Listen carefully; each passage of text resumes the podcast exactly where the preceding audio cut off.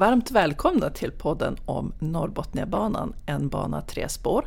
Mitt namn är Eva Lundqvist och jag är kommunikatör på Norrbotniabanegruppen. Och mitt emot sitter Elisabeth Sinclair, projektledare för Norrbotniabanegruppen. Ja, och i det här avsnittet så tänker vi berätta lite mer om vad som hänt i projektet under sommaren.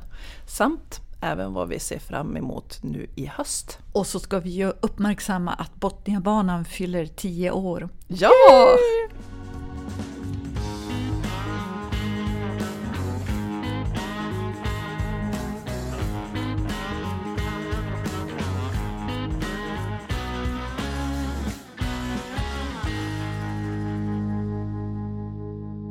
I det förra avsnittet så träffade vi på Thomas Boström som är projektledare för bygget av Norrbotniabanans första 12 kilometer. Och tänk att bygget pågår ju faktiskt nu. Ja, verkligen. Och du, det verkar vara som att det är mycket som påverkas där kring I20-området. Har du märkt ja. någonting av det, du ja. som bor i Umeå? Ja. Jag har ju sett skyltarna för länge sedan, men när familjen börjar lägga märke till det och säga att åh du, det stod Norrbotniabanan där då. Jag vet. Ja, det är, det är häftigt när det är en skylt, då är det som på riktigt. Ja, och faktiskt. nu kan man ju också säga att nu är upphandlingarna klara så nu, nu kommer ju de stora maskinerna och det ska ju börja jobbas på. Mm. Och det finns ju eh, finansierat så att säga bygge mellan Umeå och Skellefteå i nationella transportplanen. Ja. Men norröver, mellan Skellefteå och Luleå, där saknas ju finansiering. Men Trafikverket sökte ju pengar för förberedande planering hos EU. Men då kom ju det här beskedet i somras och det sved ju faktiskt lite grann. Ja, alltså nu är ju saken den att eh, så här efteråt så våra projekt Skellefteå och Luleå är kanske inte riktigt tillräckligt moget än. EU brukar medfinansiera projekt som drar igång inom ett till tre år. Alltså på riktigt. Och det här var ju förberedande planeringsarbeten och Trafikverket sökte då medfinansiering med 40 miljoner. Totalt skulle det ha kostat 80 miljoner. Men de vet att vi kommer att komma igen vi säger ja, fast det är Trafikverket. Och med nya ansökningar. Och järnvägsplanerna mellan Skellefteå och Luleå kostar ju mellan 550 till 600 miljoner. Så det är ju betydligt större pengar för den så att säga riktiga planeringen. Ja, 40 miljoner är ju bara små ja, pengar. Precis. Så, ja, va, I sammanhanget. Ja, precis. Att man, man, man, får trösta sig. Men det man ska komma ihåg det är att inget arbete är förgäves. När man skickar in en sån här ansökan så innebär det också att det är ett tillfälle att informera EU om vilken status som projektet har. Och nästa gång som Trafikverket eller någon annan kommer in med en ansökan, då är de så att säga förinformerade om vad det här är för projekt, vad vi har gjort hittills, mm. att vi har EU-medel just nu för den södra sträckan och så vidare. Så att eh, inget arbete är förgäves. Men det är klart att man vill ju att allt ska gå liksom klapp, klapp, klapp. Som sagt, det här var ju bara en, liksom en liten chansning. Ja. Kanske inte tillräckligt moget än med, med det här arbetet. Men en bana som är jättemogen, höll jag på att säga. Det är ju en tioåring som var firat nyligen. Aha, ja, verkligen. Botniabanan mm. mellan eh, Eh, Kramfors och Umeå. Precis. 19 mil lång. Ja, fast egentligen i Väster Asby. Ja, så är det. Ja, om man ska egentligen. vara riktigt petig. Mm. Pendlingstrafiken mellan Övik och Umeå har ju liksom explosionsartat ökat. Ja, precis. Det har ju gått eh, vad ska vi säga, över förväntan. Och man, man, en del säger vad ska jag säga, det är klart att det var inkörningsproblem. Ett helt nytt signalsystem som inte finns någon annanstans i Sverige men som ska in i hela Europa och så småningom också i hela Sverige. Så det kanske inte är så konstigt att det var inkörningsproblem. Sen hade vi ju en jättesvår vinter där, 2017, 2018 tror jag det var. Men i det stora hela fungerar det ju väldigt, väldigt bra. Och det här har ju också gjort att Örnsköldsvik och Umeå är ju på väg att växa samman. Åtminstone på så sätt att tidigare så när man sökte jobb och sådär så då var det ju liksom så här, vart ska du bo då? Ja, men nu, nu ställer man inte de här frågorna därför att avståndet mellan Umeå och Skellefteå, mellan Umeå och Örnsköldsvik har mindre betydelse. Jag gillar ändå att du tittar framåt. Men sen så kom ju då pandemin här och klart då minskade ju resenärerna. Men man hoppas ju att den försvinner snart. Ja, verkligen. Den har ju ställt till en massa bekymmer på många olika sätt så att det inte bara för tågtrafiken. Men ja, vi, vi ser fram emot att den försvinner. Mm. Oh, hej! Oho! oh. Ja, nu står jag här och sågar. Men till vad undrar ni? Jo, jag bygger ett hem till min nya kollega. Ja, ni förstår, det var en varm sommarkväll här längs stambanan genom övre Norrland. Fönstret till lokförarhytten stod öppet. Jag hade precis passerat Laduberg i låg hastighet när jag kände en smekning i nacken. Märkligt tänkte jag, eh, som en vindil.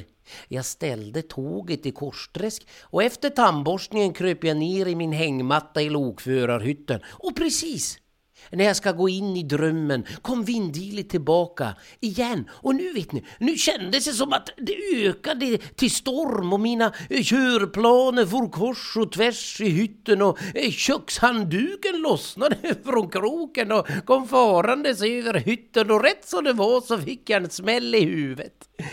Jag famlade efter lyset och då försvann vinden. Helt borta förstår ni. Så märkligt. Men efter smällen visste jag att det fanns en varelse i hytten och nu fick jag leta under förarsitsen, i taket och till sist fanns det bara hängmattan kvar. Och där, när jag lyfte på denna, hittade jag den lilla rackaren. Det måste vara en fladdermus! Jajamän, en så kallad trollpipistrell. Som håller sig fast på undersidan och ser vettskrämd ut. Nej, nu ska jag fortsätta bygget av holken så min nya kollega kan komma och flyga som han vill när jag kör långsamt längs järnvägen i norra Sverige. Jo, jo, här har ni en fladdermusexpert. Få se nu. Så jag läser lite på myndigheternas webbsida. Ska se. Holkarna bör placeras 2-4 meter över marken. Jajebox. Helst i söderläge, men inte så att solen gassar på holken hela dagen. Ja, visst ja. Dracula är ju solskygg. Nu över till Elisabeth och Eva. Ja, en, en fladdermusart som heter trollpipistrell. Då låter de inte lika otäcka. Men han har då koll på allting. Ja, verkligen. På tal om att ha koll. Mm. Trafikverket, när de bygger järnvägen så gör de ju passager för ja, men, groddjur som var nämnt i en tidigare ja. podd.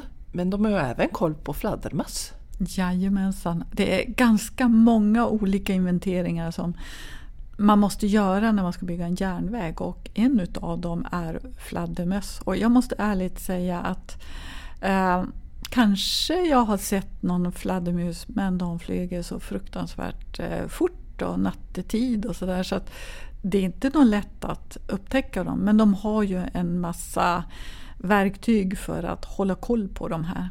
Mm, ja, det tror jag man måste ha och kunskapen såklart. Ja, de brukar ju gå med eh, de har ju både inspelningsutrustning och samtidigt så, jag tror att det är så att de kan spela upp ljudet lite långsammare. Vårat öra uppfattar ju ljud mellan 20 och 20 000 hertz tror jag det är. Och eh, mycket utav fladdermössens ljud ligger ovanför 20 000 hertz. En del människor kan tydligen höra de här ultraljuden men för många så är det nog alldeles för svårt att eh, göra det. Mm. Men eh, utifrån ljuden så kan de också identifiera de här olika fladdermusarterna. Jag tror att det kanske fem, sex stycken Just här i Västerbotten. Ja, det är otroligt. Jag tänker på det vi pratade om tidigare, om Botniabanan som har fyllt tio år. Vi pratar ju mest då om persontrafiken, men det går ju även mycket gods ja, på Botniabanan. Precis. Och här är det ju vad ska jag säga, lite tuffare utmaningar. När man installerade det nya signalsystemet så innebar det också att för att kunna köra på banan så måste man installera en ombordutrustning i loken. Och den här ombordutrustningen den kostar för det första loket en och en halv miljon. Mm. Och sen så kostar det då en halv miljon på resterande lok om de är av samma sort inom eh, operatörens då, eh, lokpark kan man säga. i Europa så har olika länder gjort olika saker. I Schweiz och Tyskland där är det staten som bekostar de här ombordutrustningarna. Men så blev det inte i Sverige utan man menade att det här är ett europeiskt påbud kanske man kan säga. Och då ligger det på operatörerna att ta de här kostnaderna. Och det har varit svårt för operatörerna på så sätt att eh, de, om man tänker då, det finns en bana i Sverige som har det här signalsystemet. Mm. Och då kanske man undviker att köra på den banan för det är en väldigt stor Såklart. kostnad ja, att, att, ha det. Men tanken från början var ju att man skulle rulla ut det här ERTMS på flera ställen. Till exempel då på södra stambanan där det kör fler lok. Alltså mycket av godset genereras i norra Sverige och vi har ju Sveriges tyngsta transporter.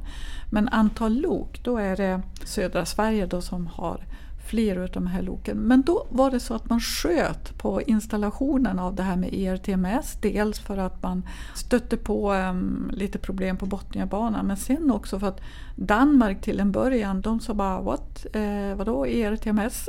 Ja. de var liksom inte på banan då utan eh, det kom senare. Så, men nu tror jag att eh, Danmark håller på eller är klar med att rulla ut 180 mil ERTMS i Danmark. Nu är ju Danmark ungefär lika stort som Västerbotten så ja. lite underlättar lite grann. Men Sverige är varit, långt. Mm. Ja, därför har det varit mycket större utmaningar för våra järnvägsoperatörer i Sverige.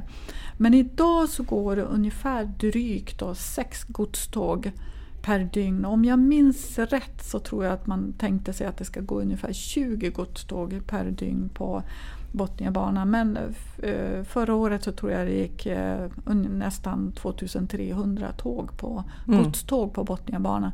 Så det är på gång i alla fall. Ja, jag tänker ett företag som kör sitt gods på Botniabanan idag är ju Polarbröd. Ja. Och de använder ju sig även av då stambanan genom övre Norrland. Den går ju nästan in i bageriet. Ja, precis. Eller eh, gick. Eller gick, ja. Mm den tragiska branden.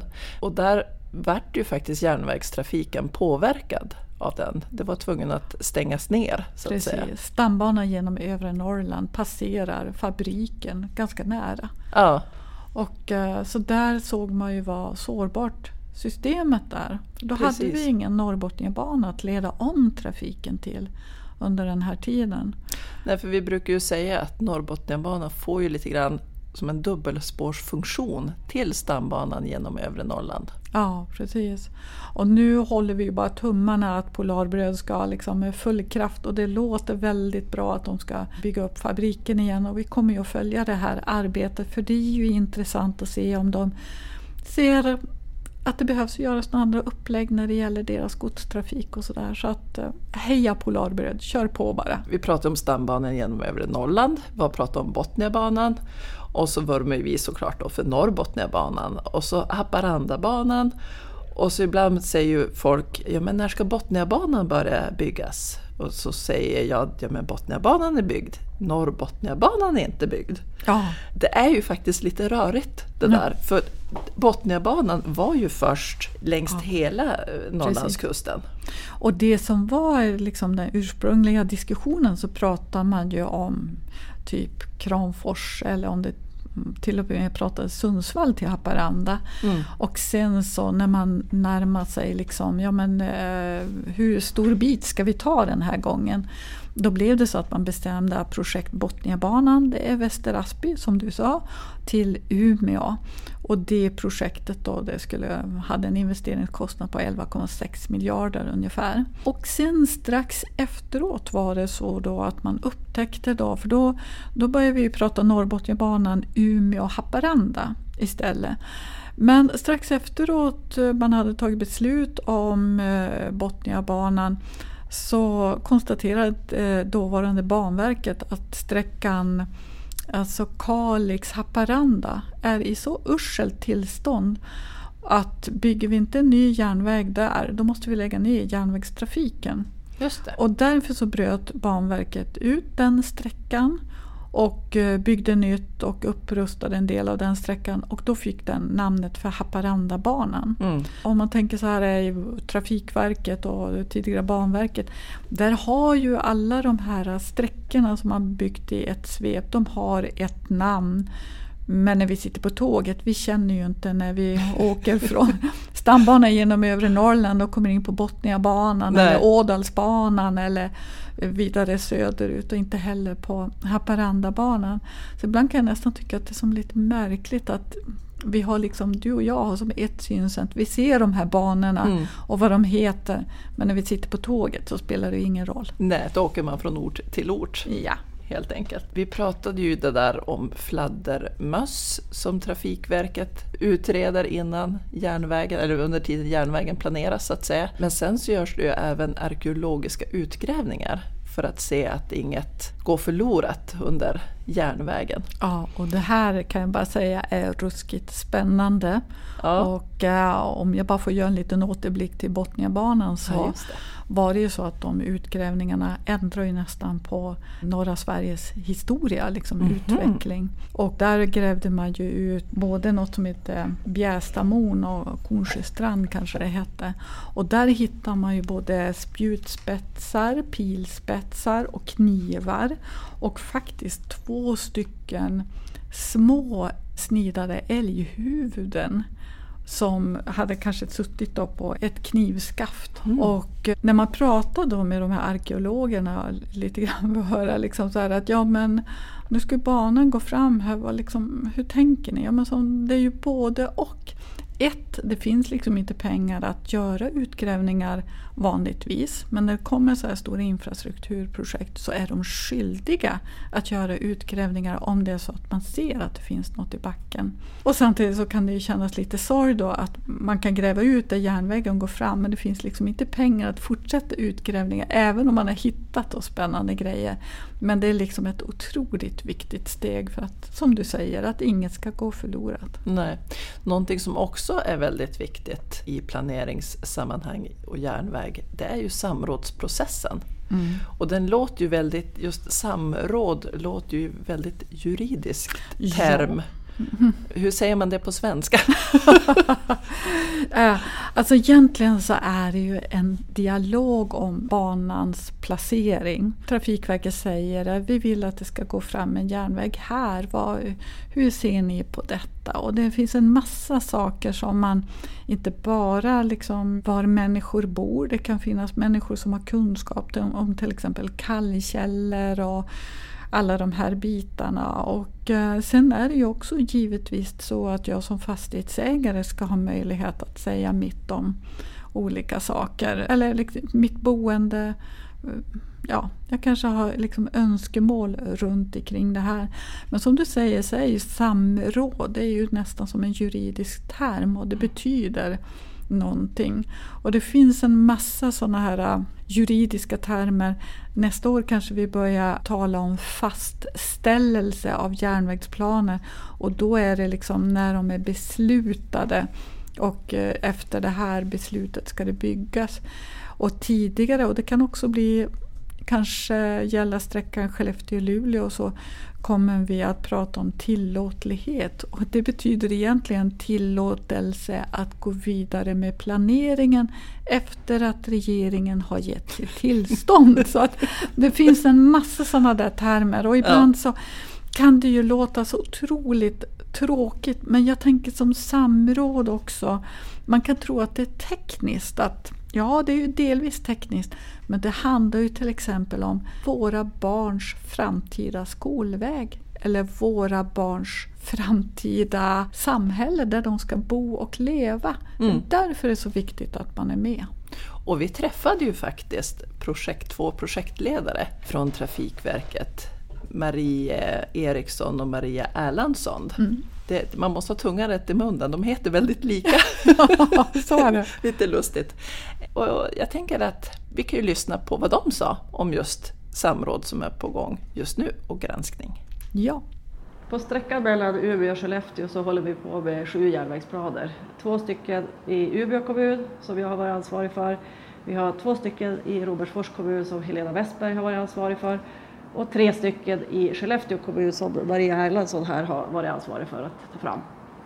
Just nu är vi i den här planeringsprocessen så att vi håller på att ta fram granskningshandlingen som är den sista delen egentligen eh, där vi presenterar vårt förslag efter alla samråd vi har gjort. Och eh, det som är mest aktuellt just nu är att vi har granskning för järnvägsplanen förbi Bureå. Eh, den är ute på granskning mellan 7 september och 16 oktober. Eh, och ehm, ja, här under våren så har ju den här pandemin lite orsakat lite, lite problem och vi har fått ställa om lite grann för eh, hur vi brukar göra våra samråd. Men vi tycker ändå att det har fungerat bra. Även om inte mm, den här fysiska eh, kontakten med bland annat fastighetsägare går ju aldrig att ersätta. Eh, men vi tycker ändå att det har fungerat ganska bra. Nästa steg nu efter järnvägsplanerna det är att börja med det som vi kallar för detaljprojektering där vi egentligen går in på skruv och mutternivå och planerar alla de tekniska lösningarna på anläggningen. Och även börja titta framåt på vilka förberedande arbeten och entreprenader kan vi göra för att hela bygget ska gå så smidigt som möjligt. Till exempel flytta ledningar, förbereda genom att bygga vägar och annat. Och det är faktiskt så att bygget är ju i full gång nu. Vi har ju under sommaren här handlat upp två entreprenader Eh, bland annat byggande av två broar och lite större schakter. Så att åker man nu ner till Umeå så kan man se där på plats att bygget av Norrbotniabanan är i full gång. Den vanligaste frågan vi får är nog varför tar det här så lång tid och mm. när kan vi eh, börja åka tåg? Eh, och Eh, där kan vi väl säga att det här är ju en lång eh, process, en demokratisk process som behöver få ta tid. Eh, det är många frågor som ska lösas och det är mycket pengar vi hanterar och stora beslut så att vissa delar behöver eh, ta tid för att landa i bra lösningar som ska eh, hålla också för väldigt lång tid framöver. Eh, men vår målbild är ju att vi ska åka tåg mellan Skellefteå och Umeå år 2030. Ja, vi har ju lite olika målbilder där. Vi, vi ser ju som att har målbild 2030 till Luleå. Ja, så är det. Trafikverk... I alla fall närtid. Trafikverket har ju ett uppdrag. Eh, och i deras uppdrag så är det ett färdigställande till Skellefteå 2030. Men i vårt arbete ligger det ju att tidigare lägga trafikstarten först i Skellefteå men sen också som du säger då färdigställa hela banan i närtid till 2030. Så att det, för oss handlar det om att prata med politiken, jobba med finansiering, det gör ju Norrbotniabanan AB främst. Ja men förhandla med regering och trafikverk och sådär för att se om vi kan tidigare lägga projektet så mycket som möjligt. För hur var det nu kommunalrådet i Skellefteå sa att fram till 2025 så kommer det nog att bli ungefär 6 000 nya jobb i Skellefteå. Mm. Och så det är hur viktigt som helst att få igång persontrafiken längs kusten. Ja, och man förstår ju ett sånt här gigantiskt infrastrukturprojekt som Norrbotniabanan är, att det är så många olika parametrar och delar att ta hänsyn till. Och framförallt det vi pratade om tidigare, det här med samråd och den demokratiska processen och sådär. Som måste få ta tid. Som måste få ta tid, precis. Mm. Samtidigt som vi alla är otåliga på att få banan ja, på plats. Så är det. Ja, Elisabeth och Eva, jag fick tänka till ordentligt under samråden. Som lokförare är det ju olika utmaningar man ställs inför. Ni vet, eh, man får ju tänka till när det gäller kaffe och kisspauser då inga toaletter finns i lokförarhytten. Efter att ha värmt Bullens varmkorv i konservburken på kokplattan i hytten och intagit denna ljuvliga måltid ställer man den klassiska lokförarmuggen i metall på kokplattan för att runda av med en kopp kaffe. Två och en halv minut för att koka upp, sju och en halv minut för att dricka upp. 43 minuter senare måste jag göra ett toalettbesök. Därför har jag ställt frågan till Trafikverket om vilken hastighet tågen kommer att ha och när på banan jag ska avsluta min kaffetår för att 43 minuter senare tömma blåsan på en station. ja, nu fick Trafikverket någonting att jobba med. Man vill ju inte kissa i byxorna. Men jag har hört att det är över hundra personer som arbetar med Norrbotniabanan. Förseningar är ett hot mot det svenska näringslivet. Därför är jag för planerade toabesök. Det var allt för mig. Undertecknad den allvetande lokföraren. ja, där fick de ju någonting att bita i på Trafikverket, den där synpunkten. Ja, verkligen, men jag ser framför mig hur det sprider sig ett leende. Ja, det tror jag också. Mm. På tal om eh, Trafikverket igen, de har ju faktiskt lagt ut på deras webbplats trafikverket.se Norrbotniabanan en sida om att man kan söka jobb där och jobba med projektet. Vem vill inte jobba med Norrbotniabanan? Norrbotnia alltså hallå, sök! Mm. Mm. jätteroligt för att de är ju, ja, men de är ju runt hundra där ja. idag och de behöver ju bli fler. Precis, för nu laddar man ju för stora byggstarter och sådana här bitar så att eh, det mm. behövs folk. Och på tal om att ladda, mm. vi laddar ju faktiskt inför ett nytt EU-beslut som ska komma nu i höst. Men jag törs, nu, med tanke på det förra som inte gick vägen, mm. som jag tror att jag jinxar väldigt mycket, jag var så övertygad, så törs jag som inte hoppas mm. på det här. jag, jag, vet ju att du vet vad jag syftar på, kan du ja. berätta lite mer? Ja, det är ju så att eh, nu så har ju EU fattat beslut om sin långtidsbudget i juli. Och då tänkte jag, jeho, då är det klartecken för förlängning av eh, en utav de nio stomnätskorridorerna från Stockholm och vidare till Kiruna, Narvik och Haparanda, Uleåborg. Men det var de stora dragen som man beslutade om i juli och därefter så har EU påbörjat ett arbete att baxa in alla paket. Då. Alltså man, man tog inte på detaljnivå alla de här bitarna utan nu ska man liksom se till att alla beslut tas och så. Så nu ligger det här förslaget om förlängningen av, vi får väl säga våran korridor då. Mm. Det ligger på parlamentets bord och eh, förhoppningsvis kommer det något beslut i oktober. Och förra gången vi hade ett sånt här EU-beslut, det var ju 2013 då Botniska korridoren lyftes in i det europeiska stomnätet för järnväg. Och med tanke på att det på slutet där ändå liksom pågick lite så påtryckningar att ändra vissa grejer i det där så, så känner vi att nej, vi, vi är inte riktigt eh, hundra än men det ser väldigt lovande ut och eh, går det nu vägen då, då ska vi fira när beslutet är på plats. Eller ja, hur Eva? Ja, absolut. Och nu kanske du som lyssnar tycker att det är lite förvirrande med lite korridorer hit och korridorer dit men då har vi ju faktiskt ett avsnitt som heter precis så där vi reder ut lite grann mer de här begreppen. Men det är ju så oerhört viktigt att finnas med i de här korridorerna ja. för fortsatt finansiering från EU. Ja, möjlig, fortsatt möjlig finansiering. Ja, precis. Det handlar ju alltid om hur många som söker och mm. eh, vilken, hur stor konkurrensen är. Men det är ändå viktiga bitar eh, för det skulle ju åtminstone garantera att vi har möjlighet att söka framöver. Precis så. Och det, det är mycket förutom det här som händer nu i höst, men det får vi återkomma till i ja, kommande poddar. Riktigt spännande blir det. Ja. Och eh, i vanlig ordning, har du några funderingar kring den här podden eller något speciellt du vill veta mer om så är det bara att du mejlar på info.norrbotniabanan.se. Och i vanlig ordning kommer du att skriva en bloggtext om det här avsnittet om du vill läsa på och kanske få några länkar. Men då vill jag passa på att önska dig en fortsatt bra dag så tror jag vi avslutar där. Ha det bra! Ha det bra! Men du Eva, vet du, mm. jag glömde berätta att på de här utgrävningarna på Botniabanan, vet du, de här så, arkeologiska? Ja, precis. Ja. Så hittade de faktiskt ett tuggummi, tuggummi i harts. Man kunde se tandavtrycket. Nej! Alltså det är ju liksom lite, man kommer ganska nära historien då. Av harts? Ja, precis. Ja men kåda. Kåda ja. ja mm. Man kommer inte hitta något Hubba Bubba från dagens. Nej.